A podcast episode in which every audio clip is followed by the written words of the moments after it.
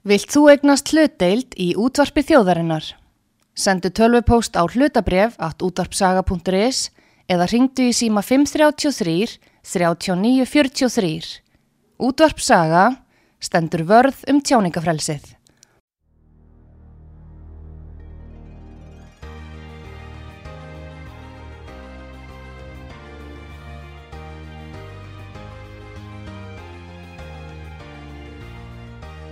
Heimsmálinn í umsjón Pétur Gunnlaugssonar. Fréttir og fréttatengt efni af Erlendum Vettvangi.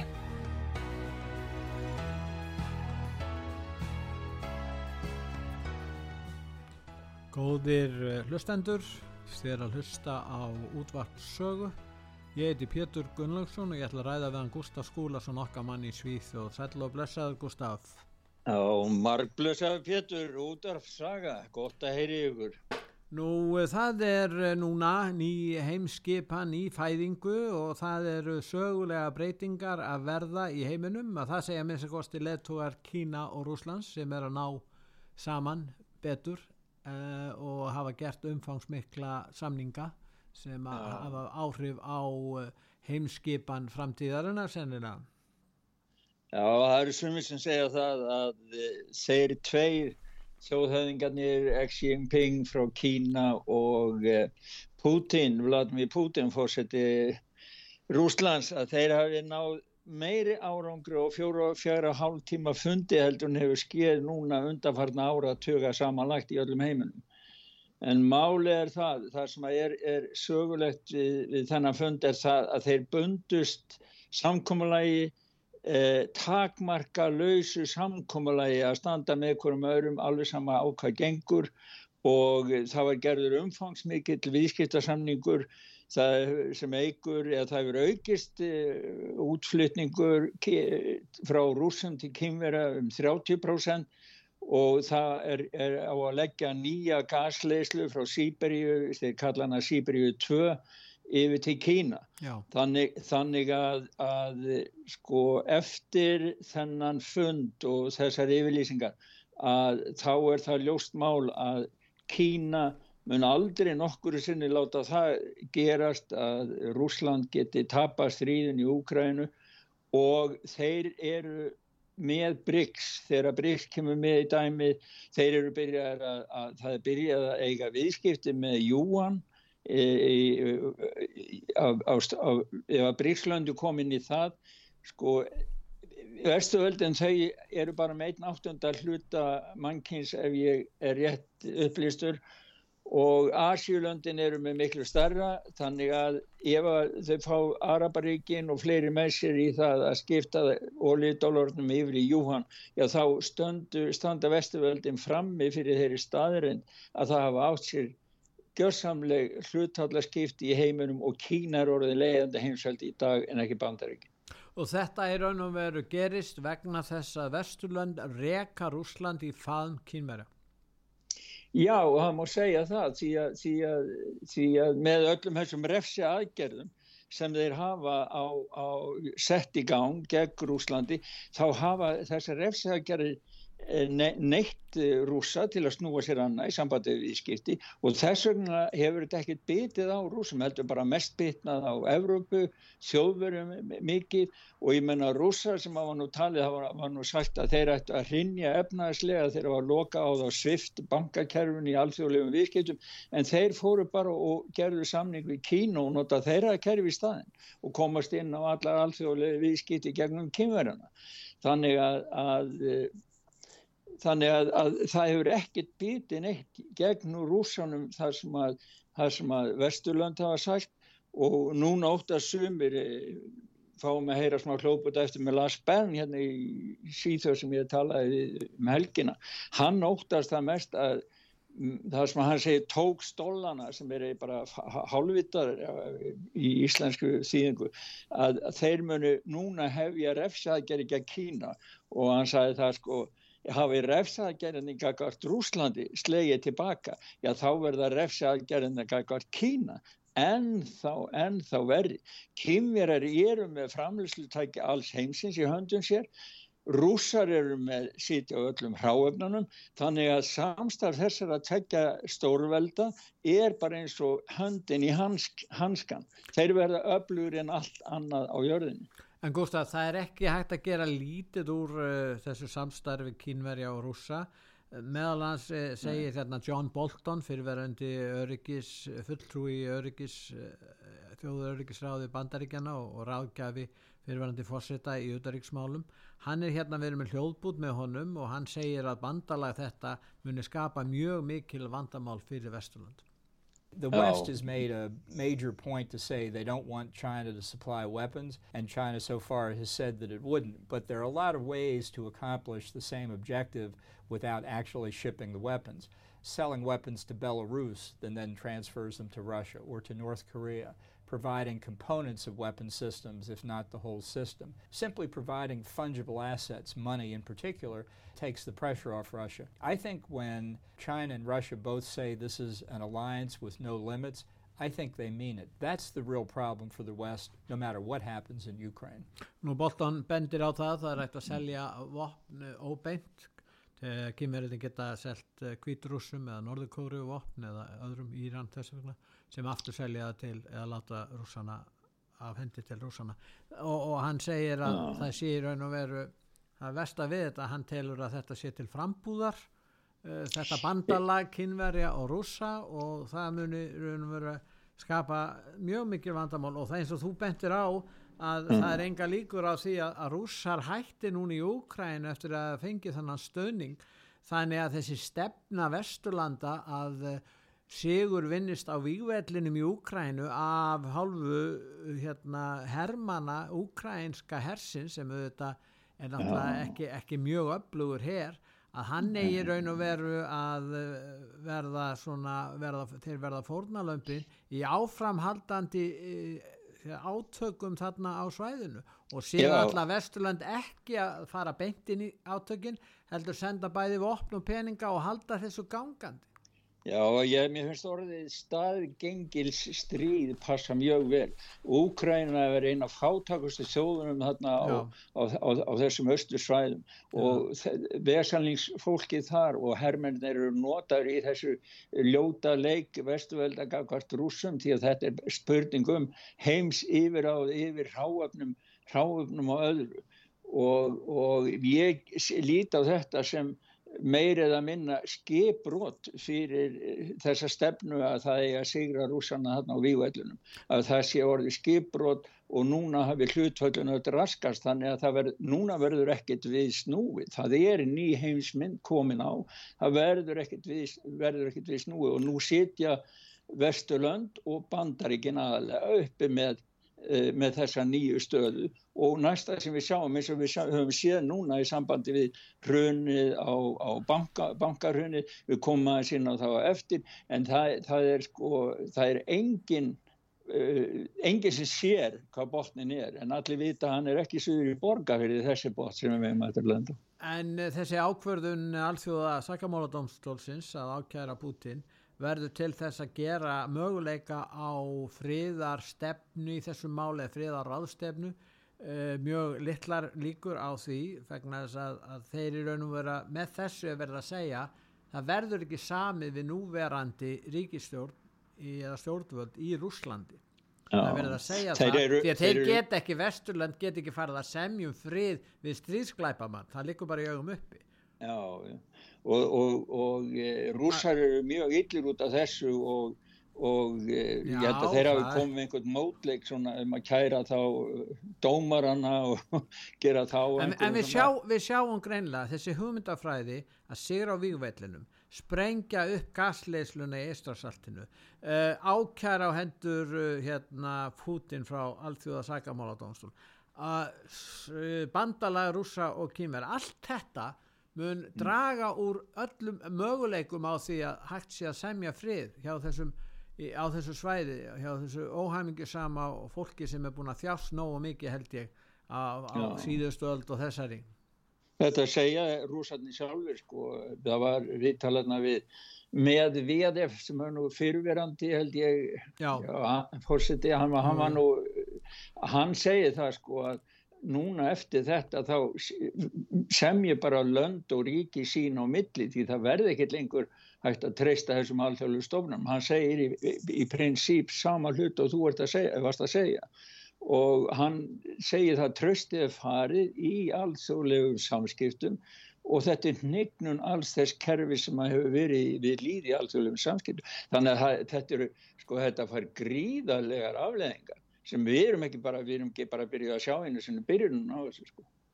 En uh, nú er það þannig að, eh, að uh, Sergei Lavrov hefur byrjað til Vesturlæða sagt að, að hvart Vesturlanda, stjórnmálamenn á Vesturlandum að hætta þessari hatustefnu gagvart Rúslandi en auðvitað verða náttúrulega rússarnir, sko þeir eru náttúrulega búin að koma þessu á þennan stað með innrásinni.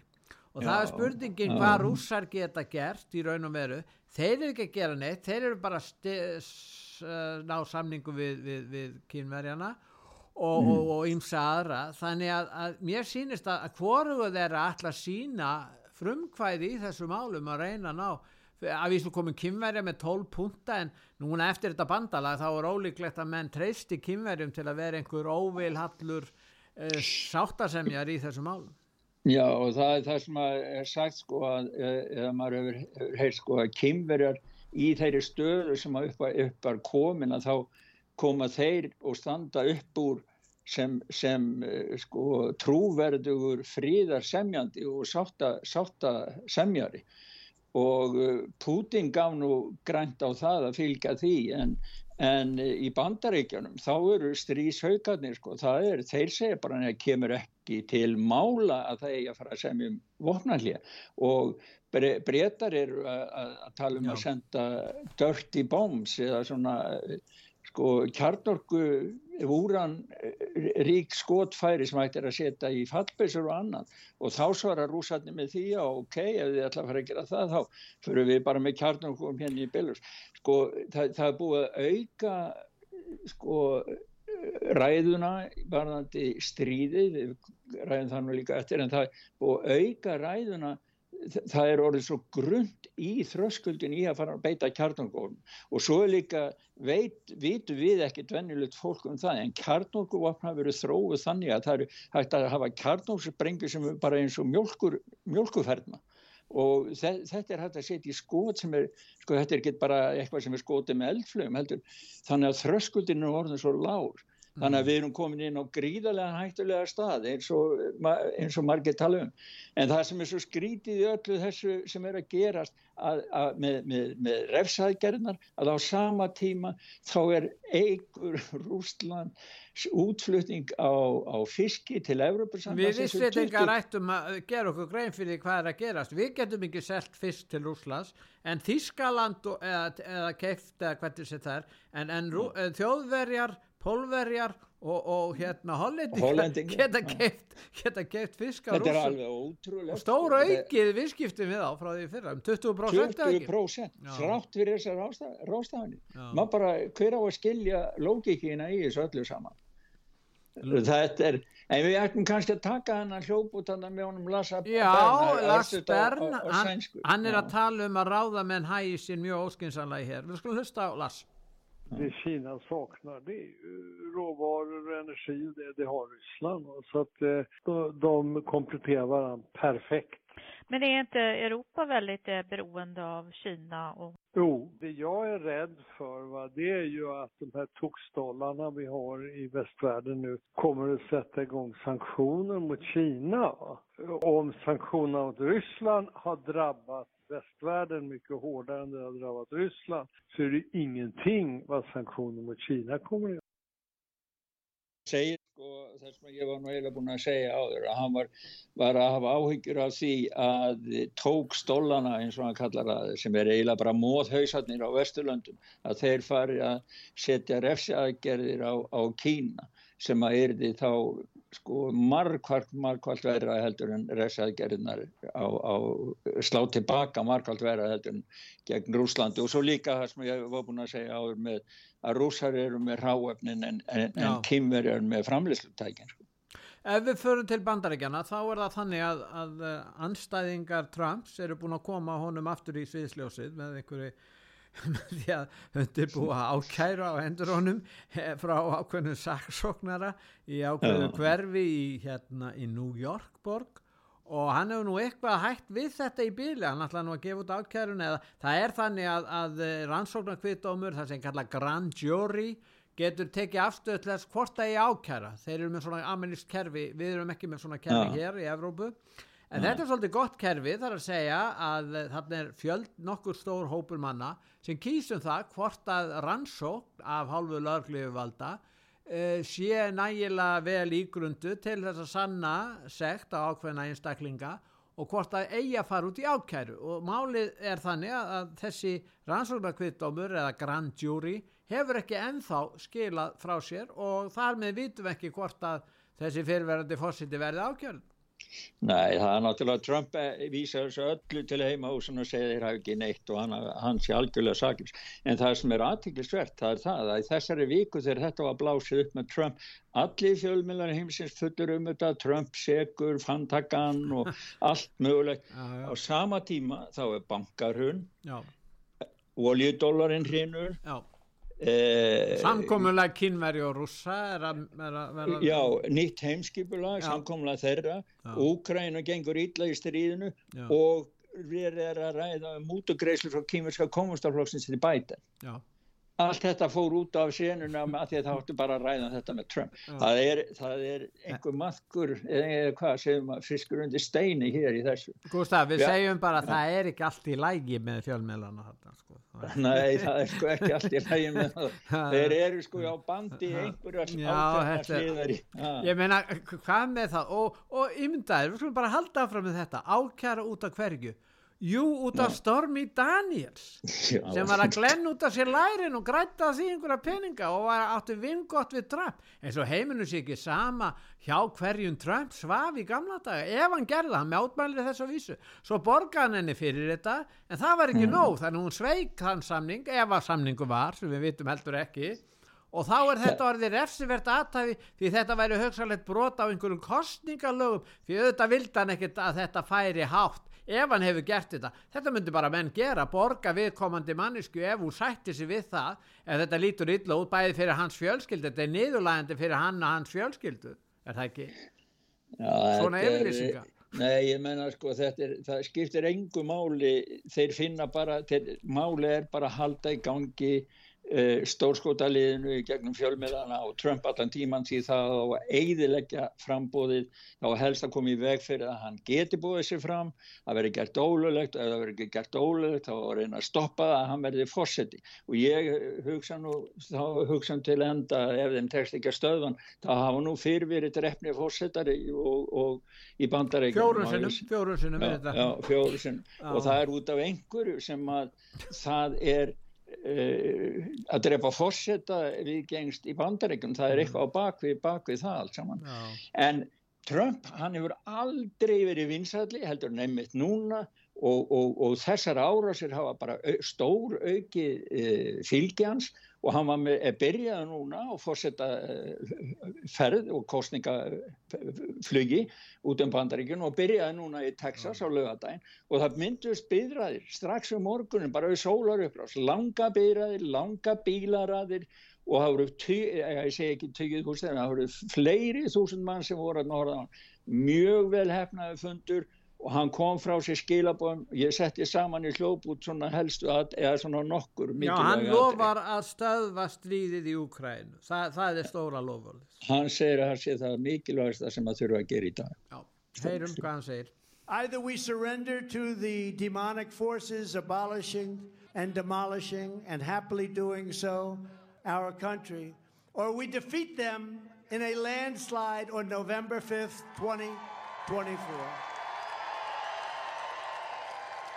Either the deep state destroys America or we destroy the deep state. Standing before you today, I am the only candidate who can make this promise. I will prevent World War III, which we're heading into. Which we're heading into. Já, stöða það að bandaríkjumenn lendi í þrjöðu heimstyrjöldinni og hérna sem að, að, að hérna Já, hann leggur áherslu á það að þeir sigri þessi myrku uppdjúbríkisins í novembermánu 2024.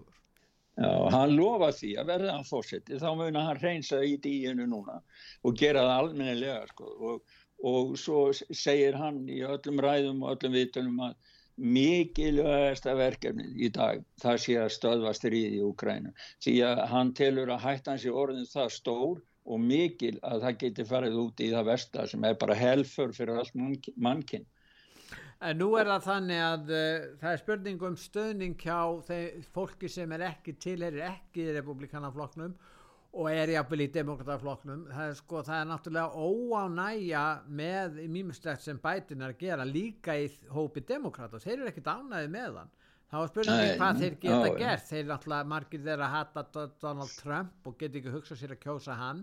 Þannig að það verður svona þetta verður svolítið sérkennileg staða sem kemur út þar að segja að bætin ef hann verður aftur í frambúðu sem margt bendir til hann er mjög óvinnsæl, verður óvinnsæl en hvor er óvinnsæl hjá ákveðnum hópi? Það, er, það, kannski, það ræður því hverjana verður næstu fórs Já, hann hefur allavega, það eru nokkra svona, mér þú veist, tvær kannanir á heimasíðu út af sögu, hann, hann var sem, þar sem önnur er um innri fórsetaframbjóðendur í republikanafloknum hann var komin upp í 54% Rondi Sandis næstu með 26 og svo Mike Pence með 7 og svo Nikki Haley með 4% Já. og síðan var önnur konu sem Trafalgarskver gerði þar sem þeir voru aðtjóða þetta bara meðal almenning sko, og það, með, með stuðning við Trump og það var út af þessari ákæru Já. og það, þá kemur í ljós sko að 74% bandarækjumann og það er ekki bara bundi við flokkan heldur almennt séð uh, telja að ákæran, ef verðan ákærið þá verður það honum að gagni uh, uh, verður honum annarkort að gagni eða hafi engin áhrif á fórsettarkostninguna Þeir vita það að þessi ákæru út af Stormi Daniels er ekkit annað en pólitískar norðnaveður það, það, ég meina það sjá það allir Já, og svo sá ég líka sko aðra, aðra hérna, ég manni bara ekki hvað það er en það sem að þeir voru að rannsaka sko málefnin sem að uppbræða hjá bandaríkamönnum málefnin í hvaða röðir taka, hvaða málefnin eru mikilvægst og það voru sko efnahagsmálin voru mikilvægast, það voru sjúgráðsmálin það voru alls konar svona vennjulega mál sem, að, sem að við þekkjum eins og, eins og hérna í Svíðjóð sko. en Úkrænudeilan hún var bara þriðja eða fjóruða neðst á, á bladi hjá, hjá bandaríkamann En hvað mun, mun gerast ef að, ef að hann verður handtík? Og þeir handtaka og setja, setja hann í orange svona fangabúning það, svona... Já, þeir, það er nú búið að gera það Já, í... með, með, með gerfi greindamindum Já, bráð fyndið að horfa á það þegar hann kom inn í orange búning og það passar vel við hárið hjá hann Já, við rættum það nú síðan mér fannst nú langt flott að þetta eru alveg ótrúlega vel gerða myndir og Já. ég held bara sko í framtíðin að þá verður erfitt fyrir vennilegt fólk að sjá hvort að jafnvel ljósmyndir séu falsaðar eða ekki. Já, hvað heldur Þi, því að það er myndaröð það er myndaröð og heima síðu svíð og það er einhver maður sem að fór og nota eitt af þessum hérna, prógramum sem hættir að forritin sem, sem hættir að nota og hann skrifa bara einn texta Trump handtekinn eitthvað svolítið og það bara kom fullt af myndum og það, þeir sem eru góður í, í, í myndun og, á tölfur þeir sjá að þetta er feik falskt. En, en að sjá vennulegt fólk. Mér fannst langt flott að það sem var í óransbúningum að grafa göngin og, og koma upp úr þarna. Þannig að það var að flýja, að flýja fangelsi.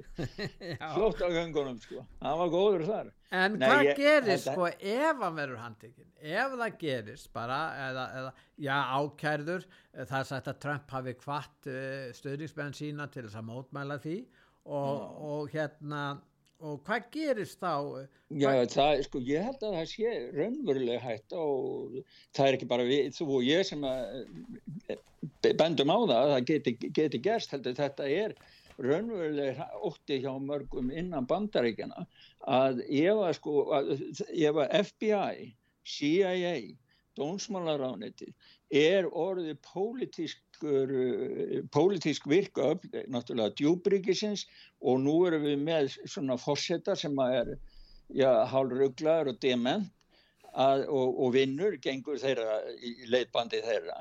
Að þá verði ef þeir á að halda áfram með þessu þessu gerraðislegum aðgerðum og aðförum þar sem að líðræði tróði nýður valdnýslu er beitt þá getur það leitt til mjög mikill að mótsetninga og jafnvel innríkis á innanlands átaka í bandaríkjum. Ef maður heyra hvað Tucker Carlson hérna á Fox segir um þetta að það getur haft Já.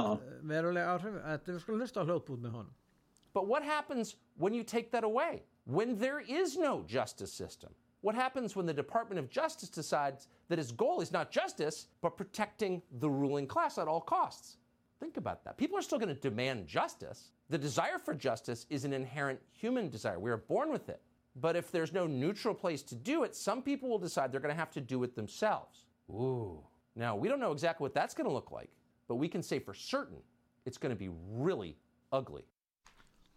Já, þarna er spurningin um það ef réttakerfi bregst og gerir, hefur það hlutverk, engungu það hlutverk að verja valdarstettin í landinu hvaða áhrif það hefur á réttlæti saksmunni þjóðarinn og hvernig viðbröð verða innan bandaríkjana, það er spurning Já, hann har að segja sko ef að dómskerfi fyrir að verja elítuna Já, en ekki, en ekki sagt, þjóðina eða, eða réttarfarið og, sem er, er, er grundvöldur almenns réttarfars allir er að vera jafnir fyrir lögun Já.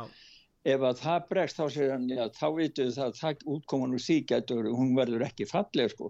Því að það verða þá alltaf einhverju sem að segja já ef, ef, ef að hinn tryggja ekki réttlæti mitt þá verð ég að gera það sjálfur. En náður við hverfum frá bandaríkjanum og förum yfir að, að ræða efnarskreppuna núna eftir ölsingar þá já. hérna er rétt að hlusta á það sem að Anthony Eh, Anthony Senkus sem er eh, sérfræðingur í barnanýði hann er sérfræðingur í barnanýði og hann er að fjallum hegðun uh, Joe Biden og við erum með, það er á vefsíðu útvar saga fjölmarka myndir af framkomu Joe Biden gagvart ungum, stúrkum, drengjum og konum og förðulegt að, að þetta skulle hafa verið látið viðgangast við þekkjum mál hérna gagvart fyrirverðandi uttaríksraður á Íslandi þá mönnu þóttu það mál vera skrítið en þetta Já. er sem er látið viðgangast þarna og, og menn segi ekki neitt en þessi barnan í sérfræðingur hann hérna og við, hann sýnir hérna mynd, hann myndband með honum. Hann er byrkt uh, leggur áherslu að það að það vil að gera börn eiginlega ónæm, ónæm fyrir því að, að einhverjur kallar sér að káfa þeim sko. Já, það er akkurat það. Nei, það er mjög, mjög áhrifaríkt að, að hlust, horfa á myndbandi þar sem að Joe Biden sérst hvernig hann hagar sér og ofinbæri samkundum með, með börnum og bara með öllum eiginlega en, en, og, og síðan heyra, sko, þetta er nú bara almenn lýsing hjá þessum barna sálfrængi eða, eða sérfrængi í, í barnamálum að, að hlýða á það hvernig hann lýsir því það passar og, hann líka alltaf bætir alltaf að þefa fólki, þefa háruna skríti skríti maður ef að hlusta hvað Anthony segir sko, þessi barna nýð sérflæðingur skulum heyra hvað hann segir Anthony Another is sexualizing a child by talking about dating or their bodies in a way that would not be appropriate for their age. How old are you, 17? Oh, six. You're turning 11. You're Friday. Just remember, no dates to your 30. No dates to your 30 years old. In my field, we often say that child sex predators don't just groom children, they groom families and communities. Offenders have depended on not only the silence of their victims, but our silence. If we allow children the permission to say no or speak up for them when they can't, we're going to go a long way in preventing so much harm. Uh, uh, sko hann er í raun og að segja að uh, barnanýðingar vil ekki bara þakka neyri börnunum komið vekk fyrir að þau getur tala, heldur líka allt samfélag. Já, hann er að segja það sko ef að, ef að þeir full, við getum vernda börnun okkar ef við kennum það að segja nei og vera á Vartbergi og, og, og, og segja sjálf frá. Hann, hann segir að, að hann, við, við séum þáttakandur í þöggun Já, hann er að tala um umræðuna sem á ekki að eiga sér stað með þessum hætti hvert litlum börnum þau eru bara aldur þeir sko það er já. það sem er að gerast hér í fjölmunum við að það verða að ræða þessi mál eins og þetta sé eitthvað sérstaklega umræðefni fyrir smá börn Já, komin að því og eftir, ég var á rástefni hérna um helgina sem Já, ég ætla að segja ykkur frá og og eftir og að það, á það var skuggalt. Það er eitt sem að ræði akkurat þetta. Já, þetta verður gott. En við skulum núna hlýða á nokkra raulisingar og eftir raulisingar hlýða þá höldum við umræðin áfram.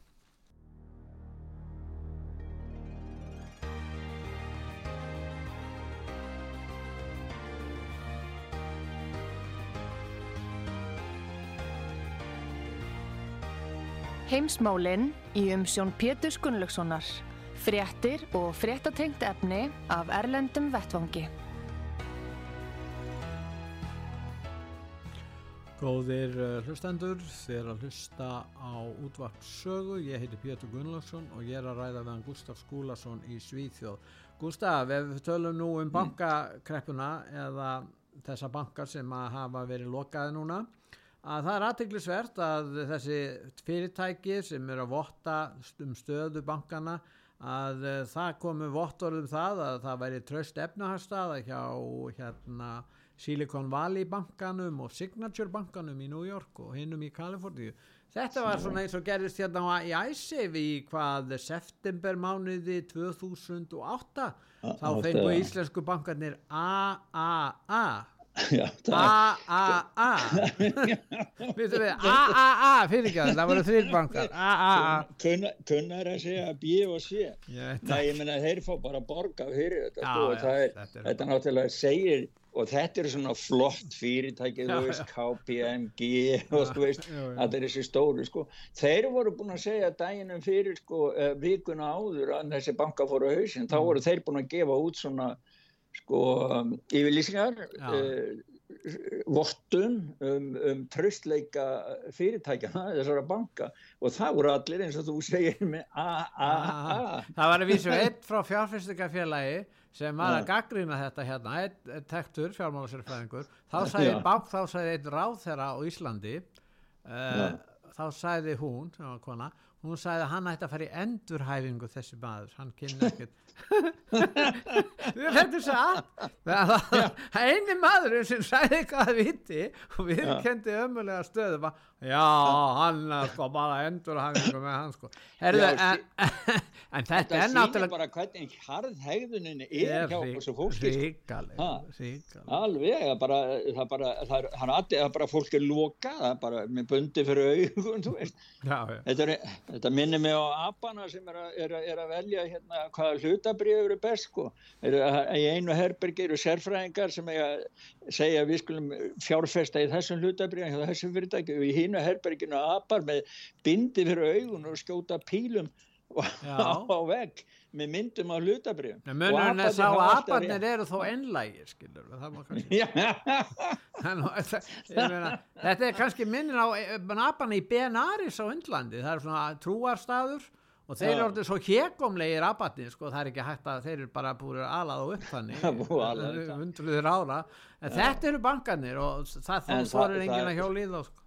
Já og þetta er alveg skuggalegt því að, því að sko þetta endur tekur sig aftur og aftur. Það er bara eins og það, það er bara verið að gefa venjulegu fólk í Já. bara að lemja okkur öll niður sko. Halda það að við sjáum ekki gegnum þetta sko. Og svo er það sem er verst núna það er Deutsche Bank, hann er þrísa sinni stærri Já. og Swiss, Credit Suisse var með veldu sem mótsvarar allri ásframleyslu, þjóðarframleyslu Svíþjóðar Og var alþjóðlegu banki. alþjóðlegu bank Já, já. og Deutsche Bank er með sko þrefald starra umfang og þeir eru búin að tappa niður fjórðungi 25% af virði bankans núna frá því frá áramótanum og ég, byr, ég byrti núna í morgun mynd af grafi yfir efnahagstróunni í heiminum frá 1870 fram til núna 2023 og lína sem við erum að fara niður núna frá því 2000 því að eftir, eftir COVID þá dældu seðlabankar heimsins Vesturlanda inn peningum í kerfið, peningar sem að gera ekkert gagn, heldur bara er, heldur bara átt að vera til þess að borga halda öllu gangandi að því það var þeir lokuð og svona það var ekkert framleitt Halda elítunni gangandi, segðu bara. Já, ég lítið og síðan er núna beintstrygg niður og við erum komin niður fyrir núlstryggi sem þýðir að við erum komin það hefur ekki verið farið svona langt niður og við síðan í kreppinu miklu á fjóruð ára til síðustaldar og það er enginn sem veit, þetta er bara bein lína niður og hún heldur áfram með fullum þunga og það er enginn sem veit hvað stoppar þetta. Allir segja, allir þessir ráðamenn segja já, já, þetta er nú bankar og þetta er nú ekki alþjóða bankakerfið og já, já, þetta er nú allt í lagi og, þe og það er nákvæmlega það sama, mikið að marka það eins og það sem að KPMG sagði um þessa bankavíkunáðunni fór á hausin. Þannig að alþjóðlegi alþjóða gjaldirisvarisjórun hefur komið út núna með yfirlýsingu þar sem þeir segja þeir vara við sérstaklega mikill óvissi efnarslífunu og tröflin með heimilun Já. og þeir segja það að það er erfitt því að e, tæringin á alþjóða efnarsmálun gæti þýtt að heimilun skiptist í efnarsblokkir sem keppa hvort gegn annari sem er hættuleg skiptingunni og gerir alla bæði fátækar og óöryggar og þetta skrifar yfirmaður alltaf gjaldir sjósinn Kristalína Georgíva. En flestir stjórnmálamenn stiðja globalisman en ekki einna Ron hérna DeSantis sem er nú ríkistjóri í Florida. Hann Já. hefur tekið upp eh, baráttu gegn þessum einhliða globalisma sem hefur ríkt hér og nú hefur Florida ríkið sem er hvað þriðja fjálmennasta ríki bandaríkjana bannar stafrænan seðlabanka gjaldmiðil og hann hérna tekur það upp og, og sem að stendur til að gera að hérna innleiða hér í Evrópu og Sælabanki Evrópu hefur verið að tala um að taka upp stafræna Evru. En ef ekki að heyra hvað Ron DeSantis hérna ríkistjóri í Florida segir um þetta Oh. Are you interested in giving these economic central planners more power over our economy, more power over your uh, daily life and your economic activity? Uh, and I answer that question, uh, HE double, double hockey sticks, no. So what the central bank digital currency is all about is surveilling Americans and controlling behavior of Americans. And how do we know? Because we've seen this happen in other parts of the world. Look at no further than China. The People's Bank of China uses its central bank to monitor citizen behavior, allowing for the surveillance of spending habits and to cut off access to goods and services. Já, Já, þetta er, er þannig að hann er að benda á það hvernig að þetta er í Kína en sko hann er að í raun og veru að segja að það, ef að þetta er ekki gert þá munu hérna öld, völd segi globalistan og bankana færast enn meir í vöxt. Já, hann, hann, hann bendir á það sem að, ég, mér finnst að vera mjög gótt hjá hann, hann segir það að það sé verið að taka frelsi einstaklingsins Já. til þess að sjálfur með eigin peningum Já. Uh, ákveða hvað maður eigið peningunum í og annað. Þarna kemur stjórntæki yfirvalda.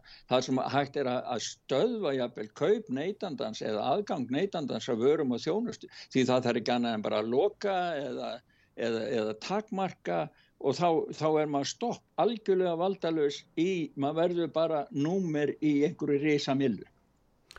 Já, nú uh, hérna ef við förum og, uh, hérna til, uh, já, Evrópu og mm. þar er náttúrulega Úkrænustríði í fullum gangin og það er spurningin um hvað bandaríkja menn ætla sér með þessu sem er haldað því fram að þeir séu að fyrst og fremst að stiðja síðstrekstrun til að grafa undan rússonum. Nú síðan kemur í ljós að það er lítil stöningu kjósenda republikana við íhlutun bandaríkjana eins og hjá til dæmis Ron DeSantis sem er nú svona næst öflugasti republikanin á eftir Trump og, og þeir vilja þetta ekki. Nú síðan er verið að ræðum stríðsklæpina bæði gegn Putin mm. en það eru stríðsklæpir sem eru framtir af rússum og úkrænumönnu það hafa byrst líka eh, um það. Við getum kannski vísað í ákveðir hljóðbút í sambandi við það Já, ef við að byrja á því aðeins að tala um hérna bara smá hljóp út hérna, það var, var hérna bandariskur bladamaður sem var í viðtaliða sem hann Já. er að lýsa því, sko, hans skoðun á hvað bandaríkjaman er að gera í Ukrænu og síðan er þá hinn hljóputurinn hérna frá, það er skýrsla sem kom frá saminuð þjóðum og það er fórstuðu konar þar sem tók saman skýsluna og þetta er mjög sorgleg skýsla og það sem er sorglegast við það er það að tölunar eru trúlega allt og lágar. Það er um, um hvað stríðið hefur drefið marga saklösa og, og sælt marga saklösa. From the very beginning, it's been clear that the U.S. wants this war to continue and wants it to go on for as long as possible because they have no interest in protecting Ukraine. They instead want to sacrifice Ukraine, have Ukraine destroyed in order to advance what they think is the United States' political interest, geopolitical interest of weakening Russia. And the way to do that is to use Ukraine as a pawn. If you listen to what John Kirby said, they asked him, Are the Ukrainians willing to have a ceasefire? And he said, not only won't they, we won't allow it either. Obviously you don't want that war to end. Já, uh, hann var að benda á það að bandaríkjuminn væri að fórna Úkrænu og Úkræna væri bara peð í höndunum á þeim. Já, hann er mjög, sem sagt, gaggrínu mjög harlega þar sem að hérna fulltrú Pentagon eða hann að Kirby sagði að Já. það ætti, mætti alls ekki koma á vopnarlíði í Úkrænu. Það er bara stríðið að halda áfram. Nú alþjóða gældurisjóðurinn er farin að lána Úkrænu en við skulum líka heyra hérna frá einu maðurla um, um hérna stríðsklæpina sem eru í af hálfu rússa og Úkrænu líka eins og Já. það gerist í styrjöldum en fara þessa ofbeldi sleið og, og það er erfitt að, að, að hérna, stemma stegu við því. Þetta er skísla frá saminuð. Já. As many of you will know, our job is to document violations of international human rights and humanitarian law. Today, we are launching two reports. One is on the treatment of prisoners of war, and the other covers the overall human rights situation in Ukraine over a six month period up to the 31st of January this year. The war has come at a horrendous human cost.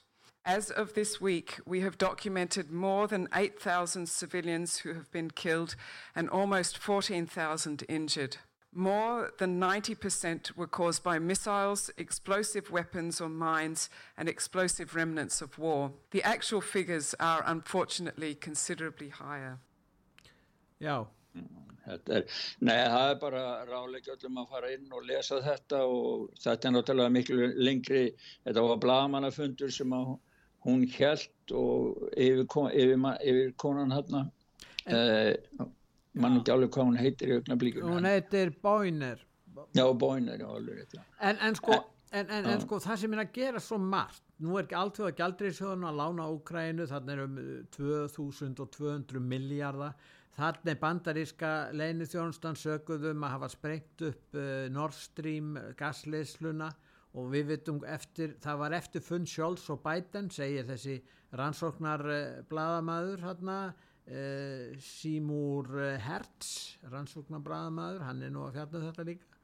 Og síðan er það sendi herra hérna, Pólver í Frakland, hann segir bara að Pólland sé á leiðin í stríð við Rúsland í raun og veru þetta er að stegmagnast nú síðan er verið að, að takmarka trúfrelsi í Úkrænu það var ákveðin réttur. Það, það, þetta kemur einn á öll svið það er alveg sama hvað er litið. Og svo er, er það samileg vopnaðinkaup Evrópusambandsins í fyrsta sinn og svo eru þau kjarnokku flugvélar að fljúa yfir Ísland og Svíþjóð og annar staðar og sprengjuvélar. Þetta, þetta er allt komið í fullan gang. Já, þetta er allt komið í fullan gang sko Nei, það var, sko við rættum aðeins síðast, ég var ekki með að staðfæst sko en það er staðfæst núna, það var sendið að Pólans í Fraklandi sem að sagði þetta að ef, Ukrænmenn væri að fara að halloka þá er Póland að fara í stríði. Ég veit ekki hvort þetta er hans enga skoðun eða, eða hvort þetta er skoðun ríkistörnarnir í Pólandi.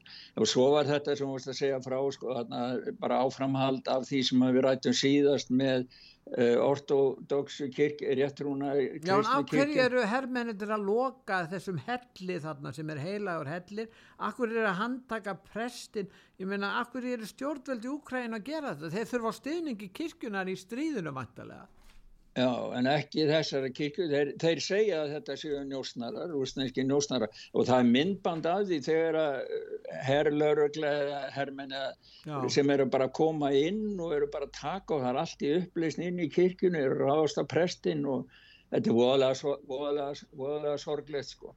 Og svo var þarna með þessa, sko það kom það í upplýsingastriðinu á, á milli um það hver hefur sprengt það er voðalega marga sögur og þá var CIA eftir fundi með Scholz og Biden eins og þú sagðir Já. að þá fór CIA og, og dreifði því út um allt því það er bara upplýsingar dreifði því út um allt að það voru einhverju vínir Úkrænu sem er sprengt þetta er en þetta með vopnakaupin hjá aðeldaríkum ESB í fyrsta sinn sko þetta ítir undir þannig að sérmakunni stríði Úkrænu ítir undir enn frekari samþjöfun Európa samfansins í eitt allsæra ríki sko því að það hefur lengi verið blöytu draumur búrakratana í Brussel. Það er það að geta sjálfur ákvæði skattinheimtu og fjárlögu fyrir öll aðeldaríkin núna mun í Úkrænustri ídæðum eitt skrið í, áfram í þá átt. Já. En uh, mm. nú er það svo að uh, menn er að rífast um, um eða rífast, það eru deilur um, um, um lofslagsmálinn núna að byrtast sem hefur nú ekki verið áður og og það er hérna ákveðin lofslagsfræðingur sem að við mitt við erum með, erum við profesor í, og vísindamæður í lofslagsfræðum sem er mitt á vefsíðu okkar útvarsaga.is og við erum með uh, hérna plótbút frá henni þar sem að hún lýsir því yfir að fjárðarslegir hagsmunir og einelti sé á bakvið þessa svokallu samstöði í lofslagsmálum. In this politicized environment, advocating for carbon dioxide emissions reductions is becoming the default expected position for climate scientists. This advocacy extends to the professional society that publish journals and organized conference. Policy advocacy, when combined with understating the uncertainties, risks destroying science's reputation for honesty and objectivity without which scientists become regarded as merely another lobbyist group. Já, umræðan skada vísindin, Gustaf. Já, nei, hún segir það sko, sko þegar að vera að, að, að halda, mamma bannar umræður um, sem ennu einkenni vísindarleira, allra vísinda, það er að hafa umræður, gaggrína hugsun og gera tilrunur og hafa að halda öllum möguleikum opnum. Hún segir það að þessi þöggun sem hefur ríkt og eh, maður megi ekki ræða málinn að það sé, svo, það, það sé bara sterkir fjárháslega hagsmunir og það sé verið að ganga eftir læknum, þekktum læknum og þeim sem þóra segja frá. Þetta þýðir bara það að það sé verið að eidilegja orðspor vísindana sem slíkra. En, það, og, en Gustaf ekki gleyma því það eru gífulega framfærir sem hafa átt sér stað núna varðandi orkumálin. Uh, segja þjóðverðir er orðin farin að nota kól sem mikilvægast að orkugjafa. Þetta er nú ástandið eins og það er núna. Yeah. og hitt er að, Greta Thunberg hún er orðina heiðurstoktor hún hefur búin að sko Guðfræðideildin í Helsingi sem er hættin alltaf að kenna nokkuð kristni eða kirkju. Það er bara gamaldags sko, það er feminismi og lofslagsmál og þeir alltaf gera hana hvaðan um 16 ára gömul að hérna heiðurstoktor ekki í lofslagsmálum en það hafa ekki rétt á því, heldur í trúabröðum hún er sérfræðingur heiðursdoktor í trúa allir það sé í, hinduisma eða kristni eða í hvaða trúabröðum Já, er náttúrulega lofslags trúabröðum Já. Ný, ný, ný trúabröðum Já, heimsins, sko, já. þetta staðfesti það að þetta eru trúabröðum Hún fekk sko, þetta er annar hatturinn sem hún fær. Fyrsta hattin fekk hún í belgíska Mons þegar hún var 16 ára, hún náttúrulega voru nokkrum árum eldir núna skilur, en, en, en e, þetta er alveg það. En þetta sannar það að, að, að þessi lofslagsmál, þetta já. eru trúabröð. Já, já, það bara sannar það. Þetta bara sannar það, hún er heiðustóttur í trúabröðum, já, hún er heiðustóttur frá. Frá Guðfræðideildin í Helsingi. Já, þetta bara, þetta eru trúabröð. Hvena faraði nú að stað hérna íslenska Guðfræðideildir? Ætli hún fara að leika þetta, ég veit það ekki. Já, það kemur kannski. Aha. En svo er þetta sem þú segir með kólinn, þetta er, alveg, þetta er bara skandal sko.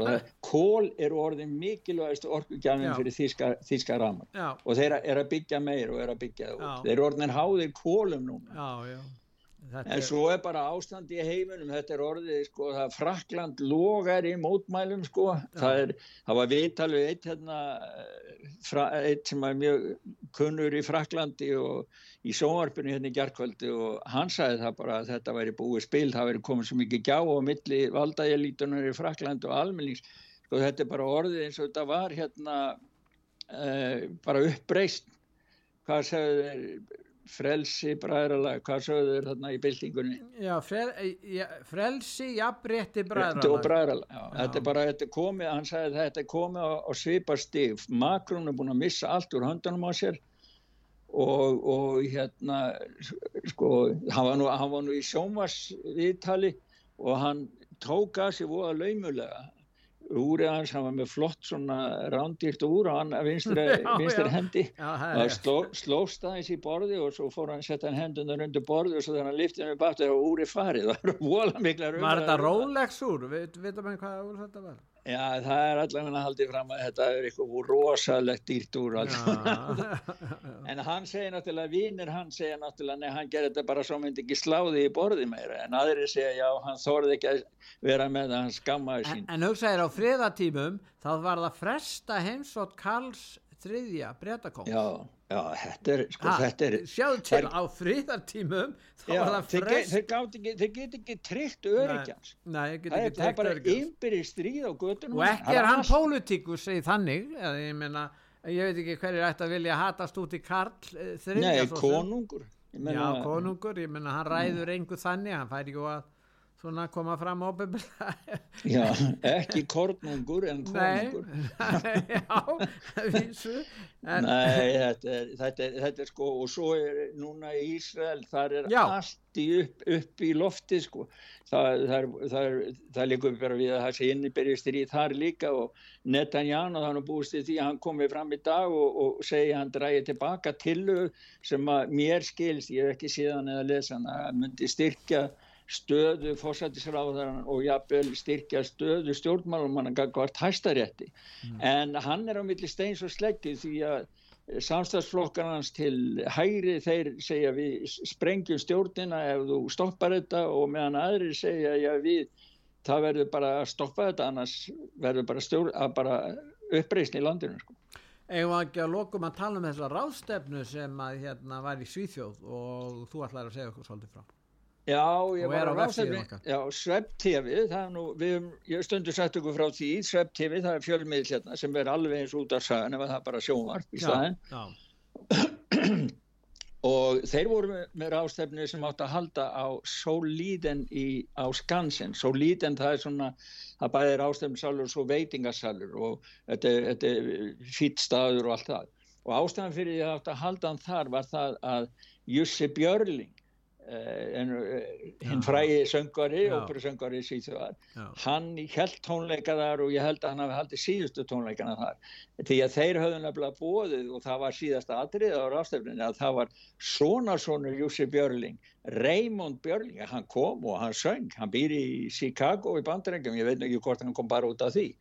En máli var að það er, eru aukahópar hérna sem vilja segja það að þeir hafi enga rétt á að hafa skoðin fyrir alla aðra í heiminum. Já. og þeir terroriseruðu eigendur sko, fyrirtæki sem á sólíðin. Og það var búið að skrifa undir samning og allt. Og þá ég hef búin að kaupa mið og fjöldi manns búin að kaupa, fleiri hundru manns búin að kaupa miða til að fara þarna. En þeir þorði ekki annað heldur en að að blása af uh, eh, rástefnuna þarna niður frá og það er náttúrulega verið að málaferðli út af því allir fá endur greitt miðan á það en Svepp-TV tókst að flytja rástefnuna til hýsta hérna við hliðin á mér þannig að það var bara fimm mínútur fyrir mig að fara í bílanga já, já. sem var mjög fint á rástefnusal þar. Og þar voru umræður um sem sagt það voru margir þar var hittið með hans Lars Bern og ég talaði við hann og hann er búin að lofa með því að ég, ég ætla að taka viðtal við hann hitta hann og taka viðtalina og hérna og það var rætt um mörg mál, það var náttúrulega rætt um heimsmálin uh, málfrelsið og efnagsmálin og, og með fleira. Og en það sem að ég sæði frá hér sem að mér fannst það var maður sem að var uh, hérna Einar Akistad, hann er nýjórnum fæður í þrýðaskipti, hann býr út á landi og hann kom til Stokkons bara til að segja frá þessu og hann, hann eh, var bara spyr bara á hvaða leið eru við því hann fekk bækling heim til sín. Yngsta barna þess er þryggjamána og hann fekk bækling heim til síns frá Sænska ríkinu þar sem er talað um það að það er að vera kynlífskennsla fyrir börn frá fjagra ára aldri. Og hann spyr bara á hvaða leið eru við þegar ríki er komið kynlífskennsla fyrir fjögra ára komið börn. Hvað er að gerast þetta? Já, og svo var annan ræðumæður sem er Klaus Bernpeintner og hann, hann var að tala um það að það þarf að endur reysa ímynd Karl mennskunar. Karlmaðurinn er sterkjaðalinn, vöðvar og allt það en að fyrirvinna og sérum að draga en tekjur í búið, konan fæðir börn og, og er oftar þá með börnunum og heima og, og, og allt það en það þarf að draga fram, hann, hann vil meina að það feminismi sé að eidilegja gömlu kjarnafjölskylduna með því að eidilegja ímynd karlmennskunar. Drengirnir, sínirnir þurfa á föður ímynd að halda. Já og hann var með mynd sem ég setti hérna sem hann held, bara var á vegnum allan tíman með sem ég setti inn á heimasíðu sögu Já. og þar var myndin stendur nefnilega eftir George Herbert, ég veit ekki eins og hver það er mm. en sannlega einhver yttöfundur eða eitthvað mm. stendur, eitt fadir er meira virði en hundrað kennarar Já og það er svona bara að segja við alla fjöður bara taka ykkur saman það er sko, mann þarf ekkert að skama sín fyrir það að vera karlmaður. Vilt ekki setja meira verið en hundra nútíma kennarar, vilt ekki hafa þannig Já, hundra nútíma já, mættu færa það þannig. Já. en úr því að, og svo kom þegar rástefnum lög, þá kom Raymond Björling, svona svonur hérna Jussi Já. og söng og hafa bara reyf allar rástefnum bara, bara klappa og hrópa úr og ég veit ekki hvað, það voru allir sána með hann. Þannig að ég fann eitt lítið lag með honum svona bara aðeins til þess að Róður til Guðs með þakklæti fyrir sömarið Já, það er svona sumarsöngur, þetta er eiginlega hálfgett sálmalagan Ég þakka svona... þér Guð fyrir sumartíð, grænar engjar, liljur og fugglasöng Já af því að það er komið vor. Við erum komin að sögma tíma hérna í síðs og nú eru tveir tíma, ég var alveg rugglar það var breytt í nótt sko. Herðu við ætlum að hlusta á þetta, þakka þið fyrir Gustaf og já, hlustum á Raymond Björling. Synga Ó til Guðs. Já. Já from